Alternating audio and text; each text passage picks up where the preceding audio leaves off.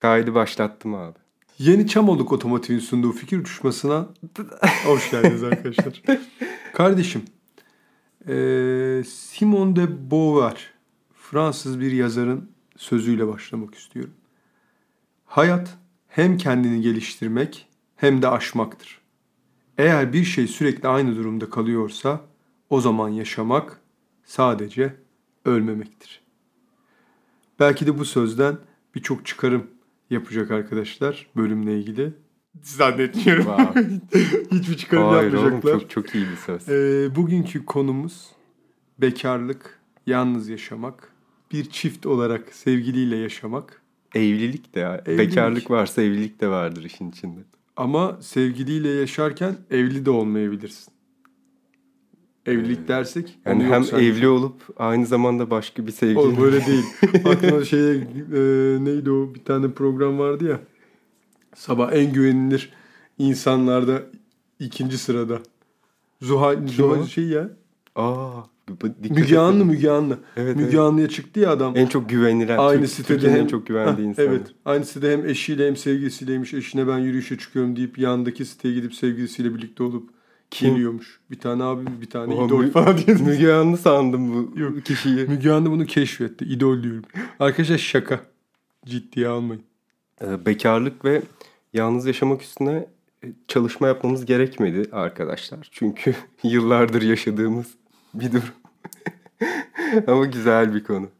Kardeşim ben geçtiğimiz bölümlerde de benzer sohbetler ettik ama aileden uzaklaştığımda daha doğrusu aileden uzaklaştığımda doğru bir söylem olmaz. Ee, yalnız yaşamaya başladığımda bana konforlu gelen birçok alandan uzaklaştığımı fark ettim. Ve insan aslında konforundan çıktığında bir korku duygusuna kapılıyor. Ne Hı. yapacağını bilmiyor. Gördüklerini eee, tasarruf ediyor, düşünüyor, nasıl yaşadığını, ne yaptığını, hayatını kurgulamaya çalışıyor birçok stresi oluyor. Eee, konfor alanı ile ilgili bir piramit var, bir süreç var, bir adım var. Bu dört aşamadan değerlendiriliyor. Konfor alanı güvende ve kontrolde olma hissi. Eee, insanın buradan çıkmama durumu. Akabinde korku alanına, eğer buradan çıkarsa korku alanına devrediyor. Korku alanında da kendine olan özgüven eksikliği, e, bahaneler bulma ve çevredeki diğer insanların fikirlerine e, bağlı kalma oluyor. Burası korku alanı. Eğer sen konfor alanından çıktığında ve korku alanında da çıkmak için mücadele edersen öğrenme alanına geçiş yapıyorsun. Öğrenme alanında da zorluklar ve problemlerle uğraşma, yeni beceriler kazanma, e, konfor alanını genişletmeye başlıyorsun. Akabininde de öğrenme alanının ardından gelişim alanı oluyor. Amacını buluyorsun, hayallerini yaşamaya başlıyorsun, yeni amaçlarını oluşturuyorsun ve amaçlarına ulaşmak için yollar çiziyorsun. Aslında yalnız yaşamanın e, en önemli şeyi de konfor alanından sonra zorunlu olarak korku alanına girmiş olman. Ya çıkacaksın ya depresyona gireceksin. En azından benim yaşadığım dönem yalnız yaşarken kafamda sürekli sorgulamalar yaşadığımda o korku alanından çıkma içgüdüsüyle hareket ettim. Bu şey gibi değil mi? Aile yanından ayrıldığın an aslında konfor alanından ayrılıyorsun. Korku alanına Ve bir gidiyorsun. korkuyorsun. Evet. Evet. Ama gelişiminde başladığı nokta orası oluyor. Düşününce. Aslında birçok şey için öyle.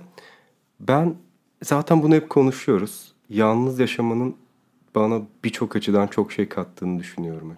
Yani bu şeyi geçtim. Ev içindeki sorumlulukların işte fatura ödeme, kiranı ödeme.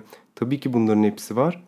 Ama kendi kendine baş başa kaldığın o dönem en çok aslında senin geliştiğin dönem oluyor gibi hissediyorum. Çünkü mesela evde birlikte yaşarken ya da sadece ailemle değil işte bir kız arkadaşımla birlikte yaşarken de hep şunu yapıyordum. Belli düşüşler yaşadığımda hemen işte gidiyorsun evin içinde birisi var ve muhabbet etmeye başlıyorsun. O aslında düşünceden bir şekilde kaçıyorsun kendine hani e, mod düşüşlerine izin vermiyorsun. Böyle bir şansın var çünkü. Ama yalnız yaşadığında böyle bir şey olmuyor. Kendine o kadar süre baş başasın ki aslında o şeylerin hepsini yaşayıp ondan çıkış yolunu kendin bulman ve iyice sindirmen gerekiyor bu duyguları. Ee, ama tabii ki her uçuş bir düşüşle başlıyor. o yüzden yalnız yaşamak aslında insanların biraz da bu yüzden korktuğu bir şey bence. Yani depresif olduğun zamanlarda kafanı dağıtacak birinin olmaması evde. E, senin o yalnızlığını yaşaman e, belki de korkutucu geliyor insanlara. Kardeşim insanın kendiyle baş başa kalması ve bunun zorunlu olması insanı ister istemez geliştirdiğini düşünüyorum. Çünkü bir başka biri olduğunda bu ebeveyn olduğunda bu yalnız şey birlikte yaşamanın kötü olduğu anlamına gelmiyor aslında benim söylediğim. Senin de söylediğin belki de budur. Ama yalnız yaşamanın SWOT'unu yaptığımızda birçok avantajları olduğunu görüyor insan. E, çünkü bahane bulma bulamıyorsun. Bir evde seni bekleyen yok, bir başka bir kaygı yok, başta çözmen gereken problemlerin yok. Problemlerin e, uzakta tabii ki oluyor hayat içerisinde. Ailenle de yaşadığın oluyor. Uzakta dahi olsan oluyor. Ama onlar yönetilebilir ve geçici sürelerle oluyor. İçinde bulunmadığın için uzakta kalıyorsun. Problemin insanın kendiyle oluyor. Ve sürekli e, analiz yapma fırsatı buluyorsun. Kendini nasıl geliştirebileceğini düşünüyorsun. Çevrendeki örnekleri daha görerek hareket etmeye başlıyorsun. En azından ben böyle düşünüyorum ve böyle yaşadım. Çünkü insanın merak duygusu yalnız yaşadığında biraz daha ortaya çıkıyor. Yalnızsın ve yapacak bir şey yok abi. Mecburen bir uğraş bulmak zorundasın. Ee, tabii bu pinekleyip oturup e, hiçbir şey yapmamayı da tercih edebilirsin. Abi çok da tehlikeli bir şey yalnız yaşamak. Eğer kendinle barışık değilsen, kendi iç sesinle barışık değilsen gerçekten seni depresyona da sürükler. Çünkü sürekli kendinle baş başa kalmak, sürekli bu düş ya ister istemez yapacak bir şeyin yok yani evde bir şeyler düşünüyorsun. Biraz da bizim gibi böyle çok düşünen insan bir insansan. Ee, ama yani şöyle bir şey var. Şu çok sağlıksız geliyor bana. Bu, şekilde hayatını sürdüren arkadaşlarım da var. Ee, hayatı boyunca ailesiyle yaşayıp evlendiği an artık eşiyle başka bir eve geçen ve aslında yalnız yaşama deneyimini hiçbir zaman deneyimlememiş olan bu Türkiye'deki tabii şu anda e, mevcut ekonomik durumlarla falan da kültürel durumlarla da ilgili. E, ama çok fazla var. Bence Türkiye'deki büyük sıkıntılardan birisi bu. Özellikle mesela erkeklere çok şey yükleniyor ya. E, çok daha doğrusu şey deniyor işte ev işi yapmayı bilmemesi vesaire konuları. Bu arada çok sıkıntılı yemek yapmayı bilmemesi, kendi kendini idare etmeyi bilmemesi. E bu çok normal. Yani evlenene kadar ailesiyle sonra eşiyle yaşıyor ve geleneksel cinsiyet rollerinin de yaygın olduğu bir ülkede yaşıyoruz. E tabii ki bunların hiçbirini deneyimlemiyor. Aslında bunlar kişisel gelişim olarak çok şey katıyor insana. Ama şu da var. Yani e, mesela ben yalnız yaşadığımı söyleyince bir yerde ailen nerede, hangi şehirde yaşıyor diyorlar. E onlar da İzmir'de yaşıyor diyorum. Nasıl ya sen aynı şehirde farklı evlerde mi yaşıyorsun? Hani özellikle biraz daha ileri yaştaki insanlar bunu hala şey yapamıyor. Çünkü Türkiye'nin aslında geleneği şu şekilde. Ailenle yaşarsın. işte okulunu vesaire bitirip evlenirsin. Ve ailen seni bir eve taşır eşinle birlikte. Artık hayatını o evde devam ettirsin. Türkiye'de yalnız yaşamak batı toplumları gibi o kadar yaygın bir şey değil. Kardeşim ilk başta dediğin cümlede kimin söylediğini hatırlamıyorum ama çok düşünmek bu dünyada cehennemi, çok düşünen insanların cehennemi bu dünyada. Evet. gibi bir söz evet, vardı. Evet bu çok güzel bir Ee, şey. gerçekten buna katılıyorum. Bir de şey var. Tabii çok düşünmemek dünya, gerekiyor. Dünya hassas kalpler için cehennem. Onu da geçen hafta sen çok söyledin bana. hem hassas kalpli hem de çok düşünen bir insansan geçmiş olsun. Ponçik bir şey. Bugün üstünde sarı bir sivit var ve sen bana civciv gibi giymişsin. Civciv gibisin. Neden beni şey yaptın? Ama dev bir civciv. Horoz olabilir. 1.95'lik bir civciv. Kardeşim insan ayakları üzerinde duran bir canlı fizyolojik olarak da. Ve bu ayakların üzerinde durma dürtüsü aslında sadece somut değil, soyut olarak da e, yalnız yaşadıkça bunu destekliyor. Ne demek istedim? E, İlber Ortaylı'nın entelektüellikle ilgili bir e, kitabını doğru tam cümlelerle tabi aktaramam ama anladığım kadarını aktarıyorum. Şöyle diyordu. Entelektüel bir insan kendi yaşamını tek başına idame ettirebilecek ve ihtiyaçlarını giderebilecek bir insandır. Bu beslenme ihtiyacı, yemek yeme ihtiyacı, barınma ihtiyacı, e, gezme ihtiyacı, tek başına yaşama ihtiyacı. E, bence bunlar insanı kendini geliştiren, o ayakları somut bir şekilde ayakları üstünde duran insanın soyut olarak da bağımsız bir şekilde karar ver, verebilmesine destek oluyor. Hı hı. Yalnızlık e, ve problemleri tek başına çözme zorunluluğu insanı e, maruz bıraktığı için mecbur kılıyor ve bu insanı geliştiriyor. Konfor alanından, o korku alanından çıkmak gerekiyor. E, çıkmana sebep oluyor. Mesela ben bir arkadaşımla buraya İzmir'e çok eş zamanlı e, İzmir'e taşındık. Ankara'da birlikte okuyorduk. Farklı bir bölümdeydi. E, bölümünden birincilikle ayrıldı. Çok da başarılı bir çocuktu. E, buraya geldiğinde aynı dönemde taşındık. O biraz daha konforlu bir hayat seçti. E, bir rezidansta, lüks bir rezidansta bir ev kiraladı. Bense e, ara sokakta e, bir daha böyle ofise yakın bir ev kiraladım. Ee, onun maaşı benim maaşımın yaklaşık %60'ından fazlaydı. Fakat evinin gideri benim evimin giderinden %100 daha fazlaydı. bir de böyle bir şey var. Ee, benzer problemler yaşadık, benzer stresler. Çünkü ikimiz de ilk kez farklı şehirlerde hiç kimseyi tanımıyoruz. Görece o biraz daha e, tanıdığı yazın çok sık geliyordu. Benim de kuzenlerim, akrabalarım buradaydı. Ee, benzer duygulardı. İşte de problem yaşıyorduk. Aşkta da problem yaşıyorduk. Her şeyde. Böyle şehri bilmiyorsun. ee, arkadaşların yok. Onunla buluşuyoruz. O ben biraz daha böyle motive olmaya çalışıyorum ama o biraz daha kırılgan. Ee, en son ben biraz daha farklı bir yol çizdim ve askere de gittim. Askerliği de bitireyim istedim o sürede. Ee, o da işinde devam ediyor ama mutsuzlukları devam ediyordu. Mücadele etmeye çalışıyorduk. İkimiz de motivasyon sağlıyorduk. Ben askerdenken burada deprem oldu. 2020 Ekim, Kasım'da mı olmuştu?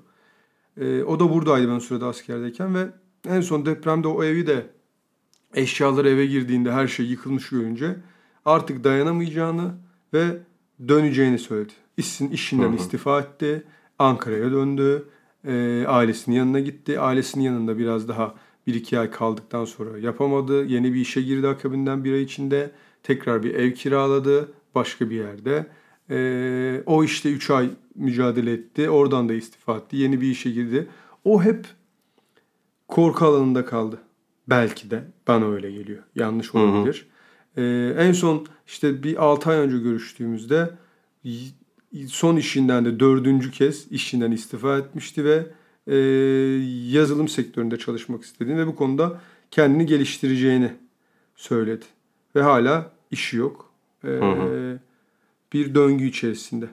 Görece çok daha başarılı olma ihtimali olacaktır da belki. Ama mevcut yaş skalamıza baktığında o konforundan çıktığındaki ilk mücadele ve onunla gösterdiğin, ona gösterdiğin direnç senin öğrenme alanına iten bir yer. Evet belki de pes etmemesi gerekiyor. Yani korku alanından geri konfor alanına dönmek aslında en kolayı. Ki onu yapmış anladığım kadarıyla. Yani tabii ben de yorumluyorum. Evet evet. Ama o hep oluyor. Mesela ben de ilk eve çıktığımda şey falan diyordum. Birkaç gün giderim ailemde kalırım. Hani birkaç gün evimde kalırım. Bir yumuşak bir geçiş şeyi olur. Aslında ara formu kardeşim. Evet evet. Aslında bu e tabii lüks. Herkes buna sahip olmuyor. Mesela sen şehir değiştirmişsin. Ben 5 kilometre ötesine taşındım ailemin. Yani düşününce çok daha kolay bir geçiş oldu benim için. Çünkü ilk taşındım mesela hiç eşya yok. Hani kıyafetlerimi eve götürüp yıkı, yıkılmayı falan düşünüyordum yani. Ee, öyle şeylerin şansların oluyor. Bir de ailen geliyor, destek oluyor falan. Filan. Evet, ben de onu diyecektim. Tabii bu şey değil. Ee, bizim yaptığımız ya hayata sıfırdan başladım e, gibi bir böyle agresif, kibirli bir cümle olmasın. E, ailenden muhakkak destek alıyorsun ama buradaki desteğin senin o mücadelende bir parça olarak, senin o mücadeleni hı hı. seninle yapmıyor. Sen o mücadeleyi kendin verirken sana sadece destek oluyor ailen. Geri geri yok kıyafet veriyor, geri yok maddi olarak destekliyor, manevi olarak destekliyor ama sen buradasın. Sen buradasın, onlardan uzaktasın. Bilmiyor kapıyı kapattığında öyle. ne yaşadığını. Yani evet yalnız yaşamanın birçok zorluğu var. Ben mesela şunu fark ettim. Ee, bazen diyorum ki ya galiba yürütemeyeceğim bu işi. Hani şimdi iş hayatlarımız yoğun, sosyal hayat var. Bir de hem yalnız hem bekar zaten genelde böyle oluyor galiba da. hem bekar hem yalnız olabilirsin abi. Hem yalnız yaşıyorsun hem bekarsın. Bu şu anlama geliyor. Bekarsan sürekli bulunman da gerekiyor. Yani sosyal hayatını da aslında e, sürekli aktif tutman gerekiyor. Aynı zamanda kariyerini sürekli geliştirmen, spor yapman, kendini geliştirmen, entelektüel birikim kazanman ve bunların hepsini yaparken ev işlerini, evin sorumluluklarını da yürütmen gerekiyor. Aslında cidden konfor alanının çok dışındasın. Evli ya da ailenle yaşamayla kıyasladığında yani şöyle sıralayabilirim. En kolayı evlilik bence. Abi ben yalnızlıkla bekarlığın farklı kavramsal olarak farklı olmadığını düşünüyordum. Sen söyleyince bir Hayır kesinlikle yalnızlıkla farklı. bekarlık. Ama şimdi abi Çamoluk Otomotiv gibi bir destekçin olduktan sonra Sırtın yere sırtın gelmez. yere gelmez. Kesinlikle öyle. Şimdi en kolayı evli olmak bence. Çünkü hem bekar değilsin hem yalnız yaşamıyorsun. Ee, ailenle yaşamak ikinci sırada. Yalnız yaşamıyorsun ama bekarsın olabilir. Hı. Bizimki şu anda en zor abi. Çünkü hem bekarız hem yalnız Hem yaşıyoruz. ailenle yaşayıp hem bekar değilsen. O- Öyle bir şey var mı? Eskiden öyle şeyler de varmış. Eşinle ve ailenle aynı evde yaşamak. Ee, şuna şuna bağlayacağım. O kadar zor bir noktaya geliyor ki. Mesela toplantıya giriyorum evden çalıştığım için. Toplantı arasında gidip çamaşır seriyorum. Spor yapıyorum. O sırada fırına yemeği atıyorum pişsin. Hani her şeyi paralel yürütmek gerekiyor. Çünkü o akşamda belki bir planın var dışarı çıkacaksın. Ama bu bir noktadan sonra şey oluyor. Sürekli bir şeyi yap, yapmak zorundasın yani. Son olarak evlilik de aslında bence bunu bu sorumlulukları paylaştığın için bir nevi ortaklık gibi görüyorum. Yani e, birlikte yaşama tecrübesini de edindiğim için mesela orada şöyle oluyordu. Hadi ben bulaşık yıkıyorum, sen çamaşır yıkıyorsun. Birisi faturayı, birisi kirayı ödüyor. Hem maddi hem manevi sorumlulukları bölüşüyorsun aslında. E, Güzel yönleri bu açıdan var. Tam ben bunu soracaktım sana zaten. Şimdi yalnız yaşadığında geçen gün canım bitki çayı içmek istedi. Kimse bana getirmiyor abi. Evet, bitki var istedi ya. kalktım yaptım. Mecburum. Ya canım çekmesini baskılayacağım ya da kalkıp kendime yapacağım. Üşenemiyorsun. Ortada bir iş kalmıyor. Canım meyve istiyor. Ya anne ya işte bilmem kim hayatım bana e, bir portakal soysana. Bir elma Hayatım. bir meyve tabağı yapsana demiyorum abi. Ben olsam yapardım sana. Sana diyorum kardeşim o ayrı. Ben senin hayat arkadaşın mıyım? Mesela mecbur gidiyorsun meyve tabağını kendin yapıyorsun veya başka bir şey. Yani kendi isteklerini kendin karşılamak zorundasın. Hı hı. Taleplerin hep kendine olmak zorunda. Başkasından talep Kendi kendine pozisyonun yok. yetebilmen gerekiyor. Ve ortada bir iş kaldığında o işin sorumluluğu bir tek sende. Ee, Sen bir birlikte yaşama fırsatı buldun uzun bir süre ve e, yani şöyle birlikte yaşama fırsatı buldun. Kız arkadaşına birlikte yaşama fırsatı buldun. Ee, bunda seninle konuştuğumuzda görevleri paylaşma, modern bir birliktelik dememiştik. Ne demiştik? Ee, görev dağılımı yaparak kurums kurumsal mı demiştik? Kurumsal evet. ku- Profesyonel ku- evlilik profesyon- demiştik. Evet doğru. profesyonel evlilik tarafında veya profesyonel birlikte yaşamayla ilgili yalnız olsaydın ne olurdu? Sence nasıl değerlendiriyorsun veya o birlikteliği nasıl değerlendiriyorsun? Tabii ki bu çok fazla tecrübe katıyor sana. En azından bunu 20'li yaşlarında deneyimlemek aslında birçok olaya bakış açını değiştiriyor. Evliliğe, tek eşliliğe, birçok şeye bakış açını Nasıl değiştiriyor. tek eşlilik? Abi Çok yani, eşlilik mi var? nasıl anlayayım? yani çok daha farklı deneyimler yaşayabilirsin o süreçte. Eğer o açıdan bakıyorsan evet. Ama bu konu sıkıntılı bir konu. Bu konuda Kardeş çok- sevgiliyle yaşamanın deneyimini anlat bize. Sevgiliyle yaşamanın deneyimi başta çok güzel. Çünkü istediğin zaman sevişebiliyorsun bir kere. Ama e, olumsuz yanı da Ne monotonlaşma. sevişebiliyor musun mu dedin? Evet. Oradan devam edelim kardeşim. Düzenli bir seks hayatın oluyor. Bu güzel bir şey. E, sorumlulukları paylaşıyorsun. Bu yine güzel bir şey. Ama sorumlulukları paylaşırken sana ek yeni sorumluluklar da geliyor. Bu da ayrı bir konu.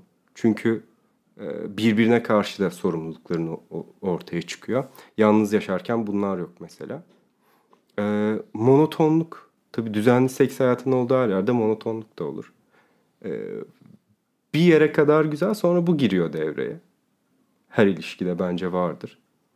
Ve bir noktadan sonra da çok çok uzun süre geçerse artık ev arkadaşı gibi yaşamaya başlıyorsunuz. Yani Peki şey nasıl yönetiyorsun? Mesela kız arkadaşlarıyla buluşmak istiyor. Ve aynı işin sonunda buraya gelecek. Sevgilin, evli değilsin. Arkadaşlarıyla buluşuyor doğal ama 10, 11, 12, 1, 2 geç saatler geliyor. Sen o sırada onu bekleyiş yani şey sevgili gibi uzaktan hayatım eve girdim bir problem meselesi değil bu. Onu mesela nasıl hissediyordum? Ben şeyi hatırlıyorum. İster istemez içsel olarak biri program yaptığında diğeri de program, Program yapma yapıyor. isteği oluyordu. Bu- Abi. bu- bunlar biraz şey değil mi? Ee, yapay e, şeyler mi yoksa zorunlu mu oluyor? Bu yoksa sevgiliyle yaşamanın getirisi bir şey mi? kesinlikle getirisi evliliklerde ve mesela edindiğim tecrübelerden birisi bu. Şimdi evli ya da birlikte yaşayan insanların zaman içerisinde ayrı hayatları olmamaya başlıyor. Bu kesin. Yani ayrı hayatı çok küçülüyor. Sosyal çevresi daralıyor. Çünkü bu bir konfor alanı. Atıyorum şu anda biz nasıl haftada 2-3-4 gün dışarı çıkıyoruz. Bir ilişkiye başladığında bu şeye dönüşüyor. Ya bugün çıkmayayım evde oturayım Netflix izleyelim birlikte. Daha rahat, konforlu. Bunu tercih etmeye başlıyorsun. E, bir kere iki kere arkadaşlarına çıkmadıkça yavaş yavaş sosyal çevren daralmaya başlıyor. Davet azalıyor. Evet. O yüzden şey mesela ilerleyen aşamalarda o kadar olmuyor. Ayrı ayrı dışarıya çıkılması. Genelde her yeri birlikte iştirak ediyorsunuz ama ara ara da oluyor evet. Ama genelde hep şunu duyarsın. Mesela benim evli arkadaşlarım var. 11 olunca saate bakmaya başlıyor. Diyorum ne oldu? Ya işte kız arkadaşı ya da eşi evde şu anda acaba sıkılmış mıdır? Acaba şu... Yani içinde bir rahatsızlık, bir huzursuzluk oluşuyor. O yüzden Bu gerçekten huzursuzluk mu? Evet. Yoksa bir alışkanlık mı? Yoksa kendini güvende hissetme mi? Yani gerçekten onu merak ettiği için ortamdan uzaklaşıyor ve aklı orada mı? O ne yapıyor diye merak mı ediyor? Yoksa e, şöyle olur ya bunu birçok işte yaparlar ama insanlar yoğun telefon görüşmesi olan işlerde e, telefonlarını belli bir süre açmazlar. Hı hı. Mesela bankacılara ilk seferinde ulaşmazsın. Öyle, eğer özel numarası var mı veya başka bir şeye. Hı hı. Çünkü karşıdaki kişi onu açmak istememesinin sebebi problemi bir problem var ve çözmesi gerekiyor. Bundan insan ister istemez hiçbir süre uzak duruyor. Çünkü bir problem çocuk bunu biliyorsun. Eve gitme isteğinde çıkma ihtimali olan bir problemin önüne geçme duygusu mu?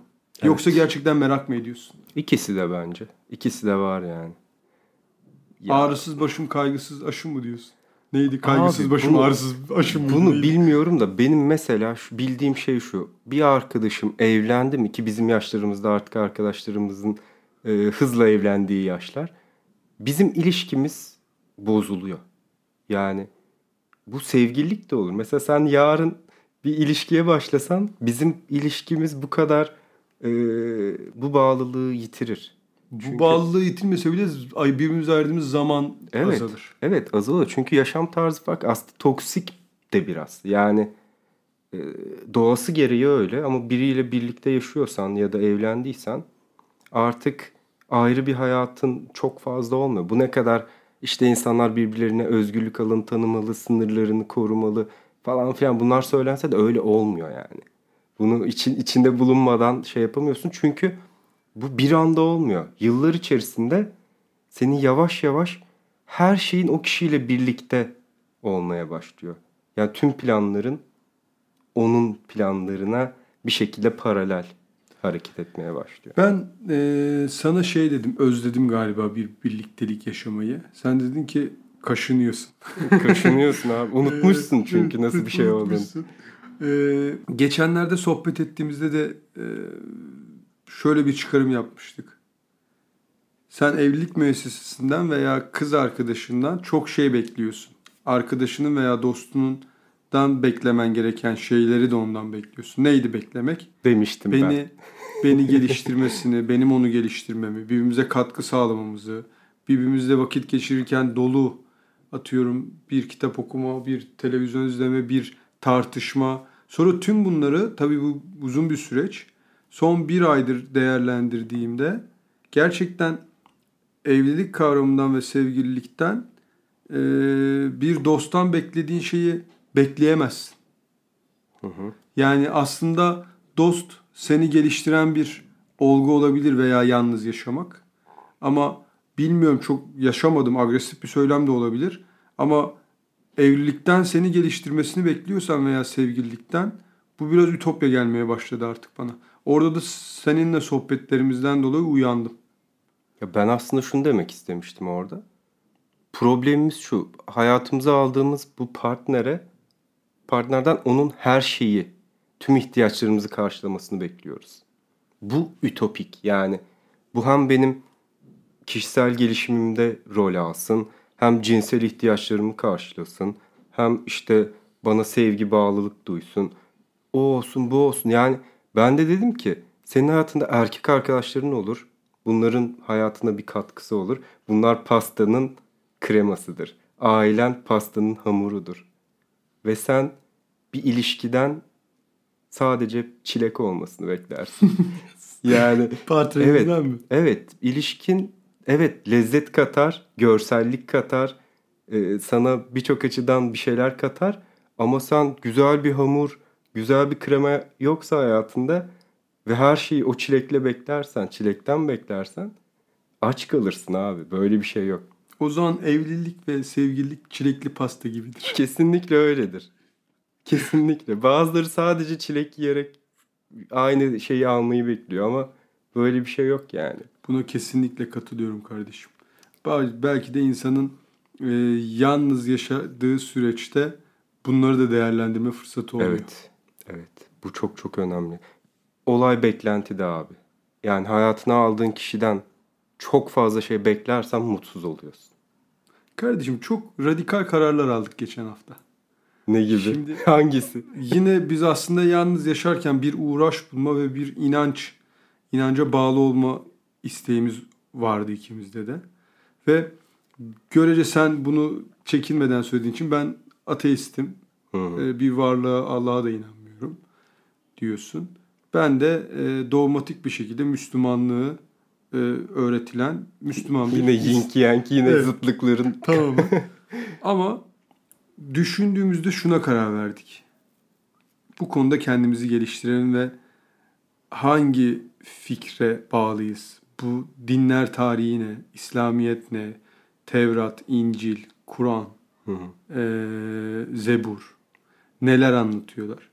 Eee, bu bile bence bizim sürekli konfordan çıkmaya, kendimizi geliştirmeye s- isteğimiz yalnız kaldığımızda düşündüğümüzden dolayı olduğunu inanıyorum. Kesinlikle. Çünkü bir vaktimiz var düşünebilecek ve değerlendirecek. O kadar bazen çocukluğumuzda yaşadıklarımızı bazen anılarımızı düşünüp değerlendiriyoruz ve insan sürekli katkı koyuyor. İşin sonunda gök tanrıya inanmaktan korkuyor. Kardeşim bu çok doğru. Ben sana motivation gap'ten bahsetmiştim. Evet. Bak şimdi sen sevgiliyle birlikte yaşama deneyimlerimi sorarken hemen o aklıma geldi. Mesela ben şu anda podcast çekiyoruz burada. Ben müzik yapıyorum. İşte bira yapıyoruz. Ne bir sürü bir sürü bir sürü bir şeyle uğraşıyoruz yani. Bu ben bunları belki 10 sene önce de yapıyordum. Yine yalnızken. Yine bekarken diyeyim. Ee, sonra hayatına bir kadın girdiğinde ya da işte bir il- ciddi bir ilişki yaşamaya başladığında yavaş yavaş orada motivasyonlarınızdaki farklılık ya da e, işte birlikteyken buna çok ihtiyaç duyma ama başka o ilişkiden beslenmeye başladıkça sen diğer arayışların ya da çaban azalıyor. Ne demek istiyorum? Mesela ben müzik çok eskiden beri yapıyordum. Arada ilişkim olduğu dönemde müzikten uzaklaşıyordum hep. Bunu fark ettim ya da hobilerimden değil. Neden? E, hayatında başka uğraşacak bir şey çıkıyor. Onunla şey yapıyorsun. Bunun da yanlış olduğunu şu anda yeni işte büyüyoruz ya galiba. Kardeşim geçen bak şimdi geçen gün yaptığım pilavı kötülemiştim. Hı hı. Tamam mı? Ne kadar oldu? İki hafta bizim için yıllar geçmiş gibi olsa da iki hafta geçti onun üzerinden. Ve ben o zamandan beri imposter yaşıyorum. Diyorum ki abi ben pilav güzel yapıyorum ve yapmalıyım. Bunun için çalıştım ve bugün sana bir pilav getirdim. Yalnız yaşamamın avantajı. Dedim ki abi pilav yapılır pilav ya ne var? Bugünkü pilavımı değerlendirir misin? Bugünkü pilav harika. Çok farklı bir pilav. Benim yaptığıma hiç benzemiyor. Biliyorsun ben daha beyaz ve düz pilav yapıyorum. Ve pilav pilav oluyor tadı onun. Sense yine o doğu ezgilerini katıp o pilava böyle kardeşim. baharatlı Evet, ve evet, şey bir yapı. Beğendiğinde çok Biraz sevindim. Mardin yöresinin bilmiyorum o tüm midyecilerde var. Midyeci pilav mı yap? evet, tüm midyecilerde bir karabiber bağımlılığı var galiba. Kardeşim beğendiğine çok sevindim. Bak mesela bunu imposter yaşamıştım ve dedim ki abi bunu yapabilirim. Mesela bunun üzerine atmıyorsun. Hiçbir problemi üzerine bir yorgan atıp veya bir poşetle kapatmıyorsun. Problemleri öteliyorsun ama o beyninin ardında çözüm bulmak için çalışıyor. Bunun sebebi yalnız yaşamak veya bekarlık mı bilmiyorum. Bekarlık diyemem. Bunun sebebi yalnız yaşamak mı bilmiyorum. Ama e, büyük bir zamanın var ve onu yönetmeye çalışıyorsun. Öbür türlü ben e, düşünüyorum. Ba- zamanını çok farklı değerlendireceğin insanlar olur. Hı hı. Yalnız yaşadığında kapının kapısını kapını Şöyle kapattığında bir durum da var. düşünüyorsun. Ee, yalnız yaşamanın da bir handikapı şu. Bunu sürdürdükçe biriyle birlikte yaşama fikrinden gittikçe uzaklaşıyorsun. Oğlum bir de mesela boğazına bir şey kaçsa. Bunları da hep düşünüyorum. Hasta olduğunda ya da kötü bir durumda hep yalnız olmak kötü hissettiriyor sana. Evet abi ya. Mesela evde spor yapıyorsun bir sıkıntı yaşasan abi. Evet ya. Falan. Bak bak bunu hiç Evet bunlar Birlikte- var. Birlikte oturalım mı kardeşim? Temas kurduğu. Çamoluk Otomotiv'in Ben- sunduğu fikir uçuşması. Ben biliyorsun ki artık geceleri telefonumu sessize almıyorum. Sana bir şey olursa hemen bana ulaşabilmen için. ne zamandan beri kardeşim bu kararı alır kaç saat oldu? Dün akşam sen bunu söyledin. Ee, Hemen şunu şuraya bağlayacağım. Agatha Christie'nin bir lafı var abi Aha. bununla ilgili. Gençken evlenin çünkü yaşlanınca insanın aklı başına gelir ve akıllı bir insan asla evlenmez. Bu Demiş. neymiş ya? Bu bence çok doğru bir laf.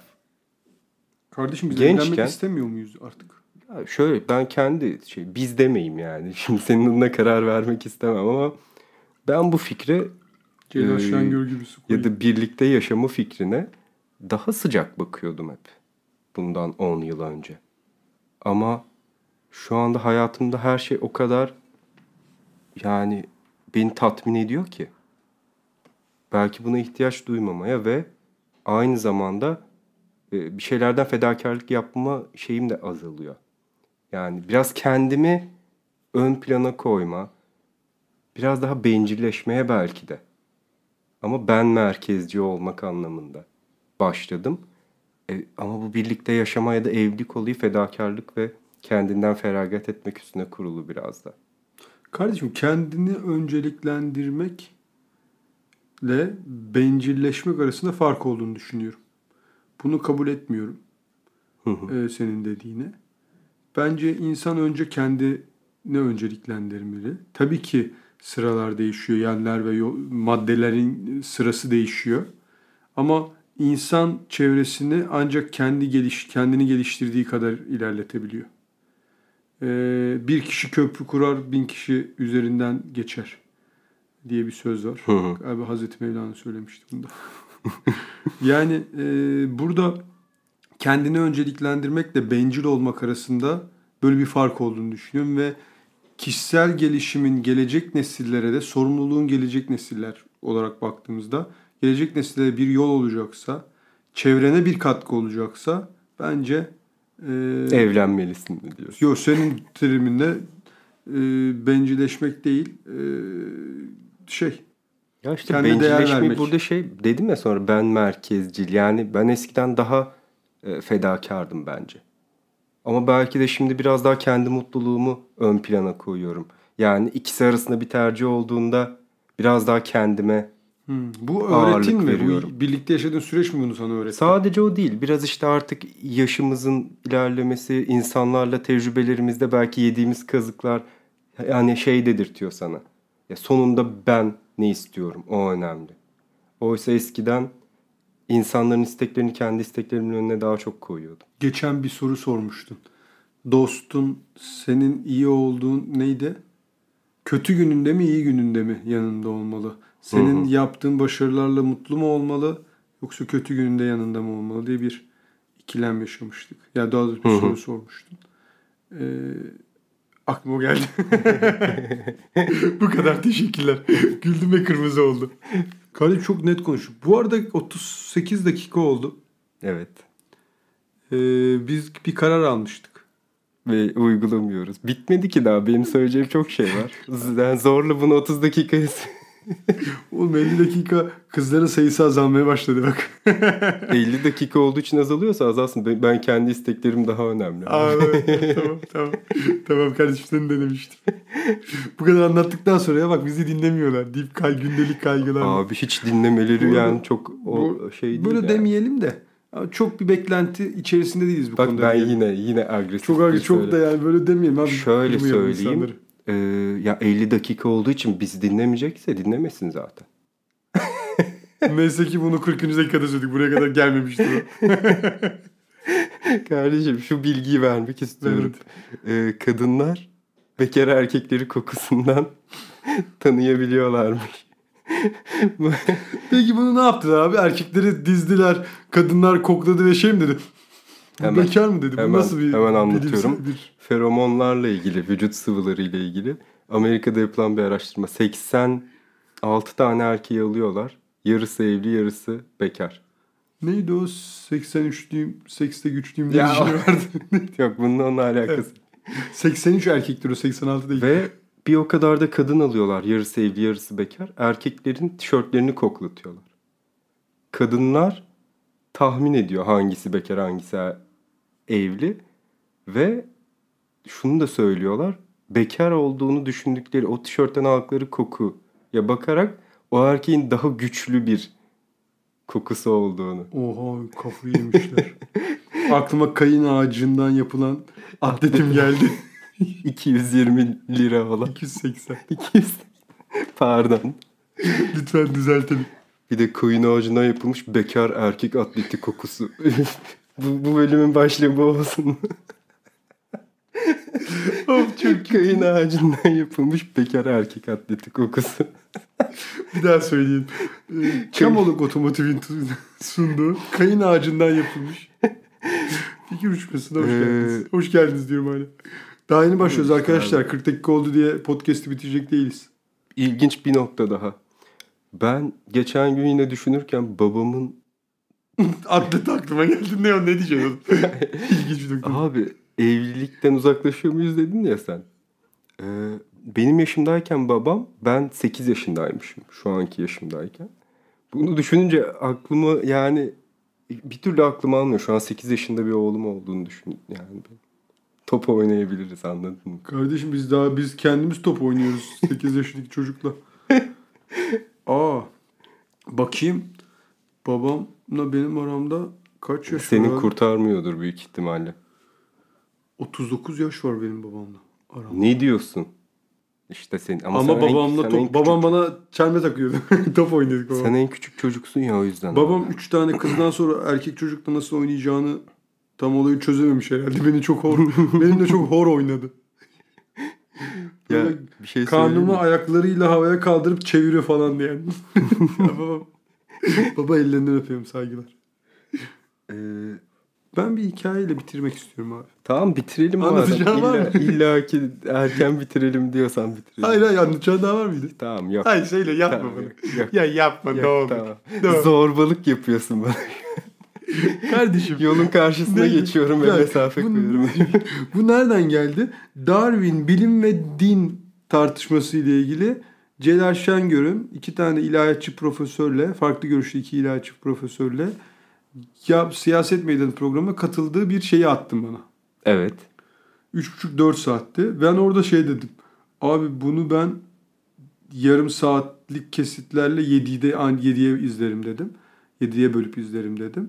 Ee, sonra aklımıza podcast geldi. Senin aklına geldi Benim oradan ve bir anda şey dedin. Biz artık 30 dakikaya düşürmeliyiz. dedim. Sonra şimdi bir daha konuşurken düşünüyorum haksızlık yapmışım.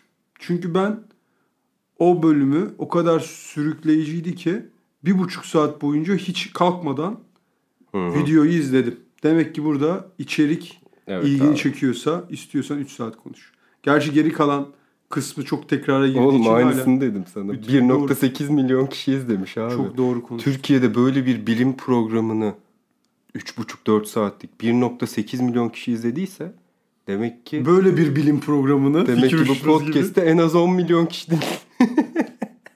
Eee Celal Şengör. tamam anlat hikayeni de. yok yok hadi sen söyle. yok yok bitirdim. Önce sen konuş ne olur. Benim çok merak ettim bu arada ya. Neydi? Kalmadı bir şey.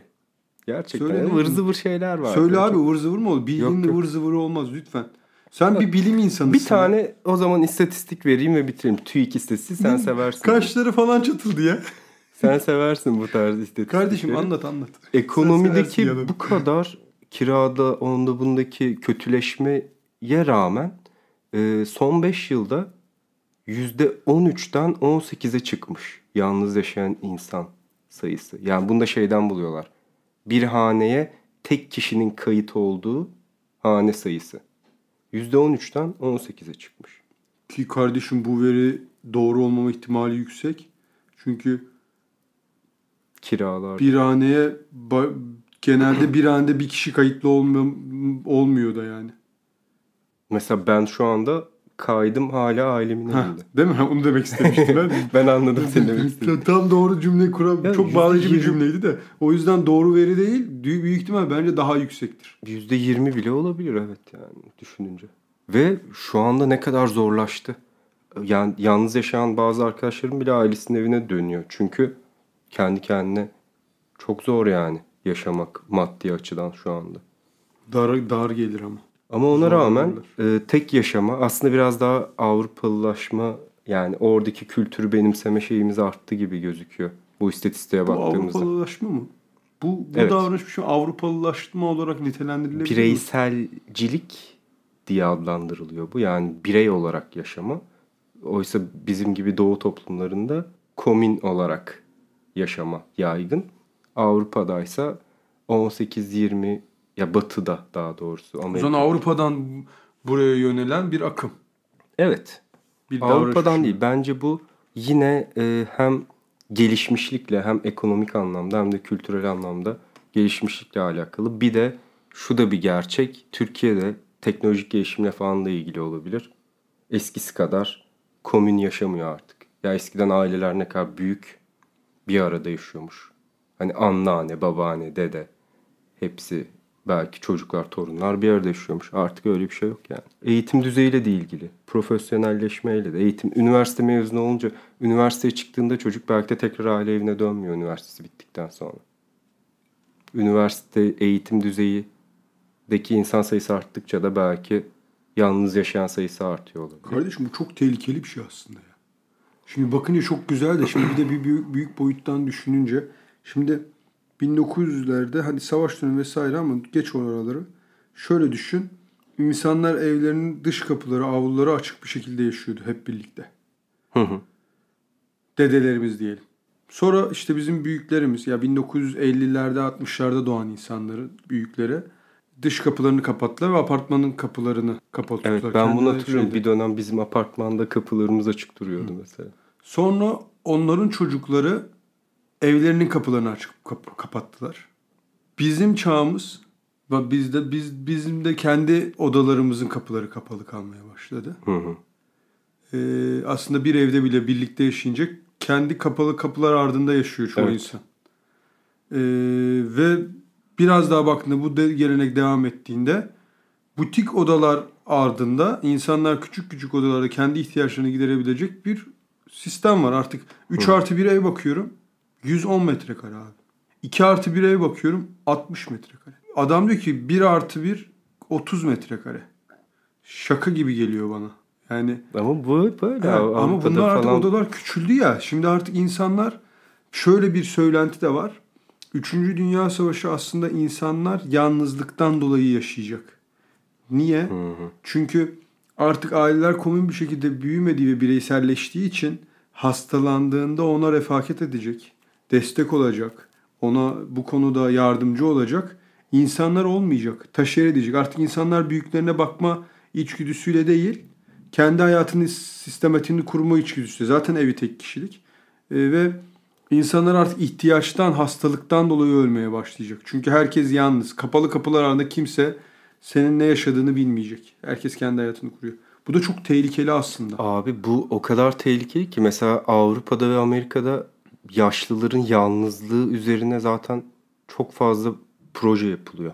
Cambly de bunlardan biri. Cambly'nin birinci bölümün sunduğu fikir uçuşması. yani şöyle bu da mesela bizim komün yaşamımız onların yalnız yaşaması sadece gençlerde değil yaşlarda da öyle. Bizim yaşlılarımız genelde biz aileyle bir tutarız. Özellikle eskiden son 10 yıl önce öyleydi. Yani dedelerimiz işte anneannelerimiz falan bizle yaşardı. Avrupa'da bu şu noktaya geliyor. Çocuk ayrılıyor artık anne babasıyla ilişkisi çok az ayda bir falan görüşüyor. Yaşlanınca da öyle bakıma ihtiyacı olduğunda da öyle ve şöyle garip uygulamalar var mesela Hollanda'da mı Belçika'da mı bilmiyorum Almanya'da ya da yavaş kasalar varmış şeyde A- AVM'lerde.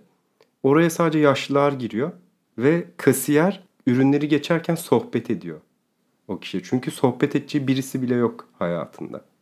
Bu yaşlı kişinin. Çok tehlikeli değil mi abi? Yani bu kadın mesela yürüyemeyecek hale gelecek bir şey ihtiyacını Yaşlı bakımı, bakım evleri, ev bakıcı, evde Yaşı bakım yapanlar. Parası neyse verecekler Evet. ve taşere mi edecekler ailesinin ebeveyninin evet, bakımını? evet. Yaşlı bakımı ciddi bir aynı zamanda ekonomi Bu döndürüyor. çok tehlikeli bir şey ya. Bu çok korkunç bir şey hayali. Bana şu açıdan korkunç gelmiyor. Bence bu bu şekilde atıyorum 100 tane yaşlının bulunduğu bir huzur evi gayet sosyal bir ortam. Düşünsene. Şey yani e, her ki her yaşlının ailesiyle ilişkisi de çok sağlıklı değil. Yani ona toksik davranılıyor da olabilir aile içerisinde. Ve akranı da değil onlar. Hadi. Bu ama bireyselleşmeyle ilgili bir şey. Bu bireyselleşmenin getirdiği bir şey mi? Evet. Şimdi ben hatırlıyorum bundan 15 yıl önce bizim mesela ailemizde çok saygı duyduğumuz bir e, dedelerimizin kardeşi olan e, yani kuzeni olan bir amcamız vardı. Çocukları onu huzur evine vermeye karar verdiler. Tüm böyle neredeyse sülale ayaklandı. Böyle bir şey mümkün değil dedi. Tabii tabii bu Hep eskiden çok herkes, şeydi. Herkes şey yaptı. Onları aforoz ettiler. Hı hı. O amcaya, o dedeye, bize herkes baktı. Abi bizde huzur evi şeydir. Dedikodudur yani. Komşu şey falan der. Aa du- duydun mu bilmem X kişisi Ha, huzur evine annesini vermiş. huzur evine vermiş. Bu ayıplanan bir şey bizde yani. Bence ve hala ben acaba çok mu yine geleneksel yaklaşıyorum? Ya zaten Bu bana bu çok normal, bu çok- senin geleneksel Abi karakterin. çok kötü bir davranış ya. bu pis bu çok çok üzücü bir Bu- davranış. Ben üzüldüm ya. Bu batıda norm olmuş bir davranış. Yani Ama bir şeyin normal olması doğru olduğu anlamına gelmiyor. gelmez. Üstadım. Kültürel bir şey. Çok doğru söylüyorsun. Ama şu da var. Yani genel kanı neyse onu yaşıyoruz. Aklıma dedelerimizin ve büyüklerimizin testosteron seviyesine göre evet bizden 3 kat fazla olması geldi de. 3 kat mıydı? Onların 100 milyon bizim 30 milyon Abi muydu? hatırlamıyorum ya. Bu da üzücü. Baksana adamların testosteron seviyesi bile yüksek. Sen kimsin huzur evini bırakıyorsun? Ey münafık. Hikaye, hikayeni anlatacak mısın? Yo ben kapatmıyorum bu sefer de. ne oldu konun mu bitti? Ya 52 dakika olmuş. E ne olmuş? Bu arada Dinle- 50 dakika değil o. Başında açmıştık ya. Dinleyen dinler kardeşim. Ee, Anlatayım hikayemi. Baba ve oğul sohbet ediyormuş. Babası oğluna sormuş. Senin kaç tane dostun var? Oğlan cevap vermiş. Oho yüzlerce baba. Babası bak oğlum öyle her tanışına dostum dersen yanılırsın. Dost dediğin insanın hayatı boyunca ancak bir ya da iki tane olabilir. Oğlan saçma demiş. Benim bir sürü dostum var ve hepsi beni sever. Her zaman bana yardıma koşacaklarına eminim. Öyle mi demiş baba? Ve o zaman gel seninle bir test yapalım evlat demiş. Baba ile oğlu bir tane koyun kesmişler ve çuvala koymuşlar. Çuvaldan kanlar akıyormuş. Şimdi git demiş bu çuvalı dostlarına götür ve onlardan yardım iste. Çuvalı birlikte bir yerlere gömün. Oğlu çıkmış yola en güvendiği dostunun kapısını çalmış. Dostu elindeki kanlı çuvalı görünce adamın yüzünü kapıyı kapatmış. Diğer bir dostu kapıyı açınca daha birisini öldürdüğüm sözünü tamamlayamadan kapıyı yüzünü kapatıvermiş. Diğer dostları bir daha onlarla konuşmamasını ve görüşmemesini söylemişler. Çünkü hepsi çuvalın içinde bir ceset olduğunu sanmış. Oğlan duyguları allak bullak olmuş bir şekilde babasının yanına dönmüş ve olanları anlatmış. Babası şimdi al bu çuvalı benim dostuma götür demiş. Oğlan tekrar sırtlamış çuvalı düşmüş yola. Babasının dostuna gitmiş, kapıyı çalmış. Baba dostu oğlanı ter içinde görmüş. Elinde kanlı bir çuvalla görür görmez etrafa şöyle bir bakmış ve hemen almış içeri. Ver elindekini diyerek çuvalı almış, arka bahçeyi çıkartmış, bir çukur kazıp çuvalı gömmüş. Çocuğa su ikram etmiş, bu arada da yetmemiş, gömdüğü yere belli olmasın diye bir de sarımsak ekmiş. Çocuk ben artık gideyim deyip müsaade istemiş. Adam da babana söyle sarımsak tarlasına gözüm gibi bakıyorum demiş evlat. Çocuk gitmiş babasına durumu anlatmış. İşte demiş baba gerçek dostluk böyleymiş. Babası oğluna yok henüz daha bitmedi evlat demiş. Şimdi tekrar git dostumun kapısını çal ve açar açmaz yüzüne okkalı bir tane tokat at demiş. Oğlu olur mu öyle şey baba demiş. Olur olur ancak o zaman anlayacaksın gerçek dostluğun ne demek olduğunu demiş. Çocuk çaresiz utana sıkıla tekrar düşmüş yola kapıyı çalmış. Babasının dostu kapıya çıkar çıkmaz okkalı bir tokat yapıştırmış. Üzülmüş bir yandan da nasıl vurdum diye. Babasının dostu gülümsemiş hafif. Benim de babana iletmek istediğim bir şey var evlat demiş. Söyle babana biz öyle bir iki tokada sarımsak tarlasını bozacak adam değiliz demiş. Kardeşim, şimdi önemli olan iyi dostluklar bularak kendini geliştirebileceğin insanlar, onlara güvenebileceğin ilişkiler bulmak. Vay be. Etkileyici, güzel bir hikayeydi. Teşekkür ediyoruz. Ee, Fikir Uçuşması'nın 8. bölümünü burada sonlandırıyoruz. Görüşmek üzere. Sevgiyle kalın.